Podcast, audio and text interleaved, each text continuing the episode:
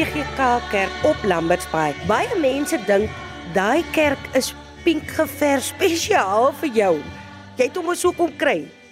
Ja, ek het die kerk so kom kry. Toe ek begin hier was die kerk pink en net vir my bevestiging toe ek nou ingehuldig was as dominee, toe hulle die kerk oor laat verf weer pink.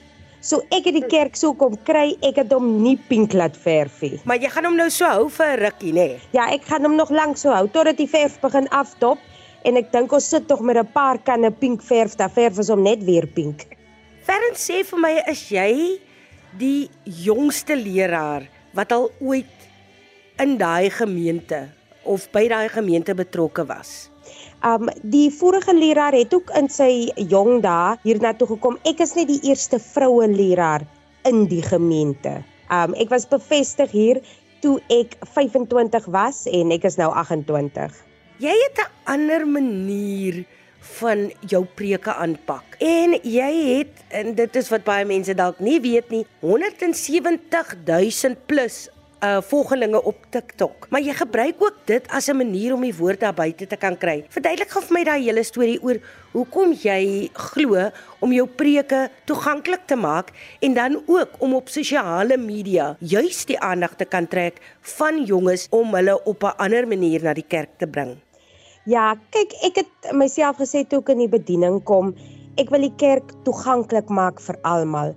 So ek het baie teruggedink toe ek kind was wat mm. ek sou liewer in die kerk wou hê wat meer my aandag sou trek en dit is wat ek toe toegepas het hier in my bediening by VGK Lambertsbaai om die kerk 'n plek te maak waar nie net die bejaardes verstaan of die jong volwassenes nie, maar ook die sonndagskoolkindjie wat daar sit. En ook ek moet hulle aandag hou. So, um ek maak baie gebruik van praktiese goed in my preke. En dan die jong mense moet ons halfpad ontmoet. Um die kerk word baie keer gesien as 'n plek waar daar's nie plek vir die jong mense nie en want dit moet so en so wie so. Ek het toe sosiale media begin veral in Covid tyd om die kerk na die mense toe te vat. Ons jong mense is almal op TikTok, op Instagram, op Facebook en dit was so die ideale platforms om die woord by hulle uit te bring, maar ook op 'n fun en spesiale manier om hulle ook geïnteresseerd te hou. Jy het hierdie ding wat jy voorheen gesê het vir my, uh, in 'n vorige onderhoud het jy verwys na foam cups en glaskoppies. Jy drink nie. Sê gou weer wat is daai wat jy gesê het? Ja, so ons was 'n groepie vriende gewees op universiteit wat altyd gesê het ons gaan mekaar verantwoordelik hou as ons in die stelsel in verval. En wat ek daarmee bedoel is, baie keer as mens mos 'n titel kry, dit dink jy mos jy's beter as almal anders om jou. So ons hou mekaar baie verantwoordelik vir die feit dat as ek by 'n partytjie is of by 'n funksie is, ek gaan nie uit 'n glas koppie uit drink, maar my gemeentelede of gemeenskapmense drink uit 'n foamkap uit nie. Ek wil presies behandel word soos almal anders om my, want net omdat ek die dominee titel het, maak nie van my 'n beter mens as enige iemand anders nie. En nou gaan ons jou ook op TV sien. Vertel 'n bietjie hoe dit gebeur het. Ja, dit was eintlik vir my 'n baie groot verrassing. Die span van Mientjie en Vriende het uitgereik. Um hulle wil 'n nuwe segment in Mientjie en Vriende inbring en hulle het toe vir my en vir Ingrid Jones gevra om deel te vorm daarvan. So ons gaan wanneer dit e van die 14 Augustus af praat ons bietjie oor moeilike temas net om bietjie die conversation oop te maak. As ek dit net gou kan terugvat ver en as kind sê jy was jou ouers redelik konservatief en jy moes opstaan vir kerk of jy nou gehoes het en of jy nou naby aan die dood was, maar op moes jy staan om kerk toe te gaan. So jy is godvreesend groot gemaak. Maar toe gebeur teologie juis op 'n ander manier. Dit het eintlik toe jou gekies. Ja, Absoluut. Um, ek het my in 'n baie streng huis groot geword en ek het mos ook al vir jou genoem, ek is so dankbaar vir dit. Um net omdat ek in 'n streng huis groot geraak het, beteken dit nie my kinderjare was nie lekker nie. Dit was die beste tyd van my lewe gewees sover. Um maar teologie was nooit deel van die plan nie om 'n uh, dominee te word was nooit deel van die plan nie.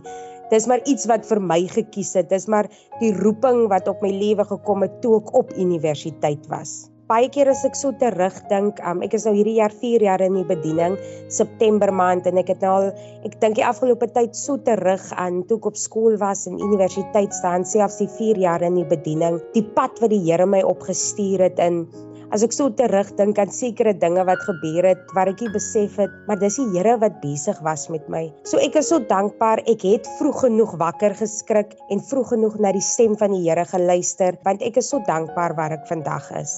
Dat jou deure oop staan vir ieder en elk by jou gemeente. Jy het 'n ding daaroor. Almal is welkom. Niemand word uitgesluit nie. Kom ons gesels gou daaroor. Ja, uh een van my groot dinge ook hoekom ek in die bediening ingegaan het is om die kerk 'n uh, 'n inklusiewe plek te maak. Ek weet dis 'n moeilike onderwerp nog steeds in die kerk vandag en vir baie mense, maar ek is vasoortuig dis die roeping op my lewe en dit is waarvoor ek staan en ek sal dit oral sê.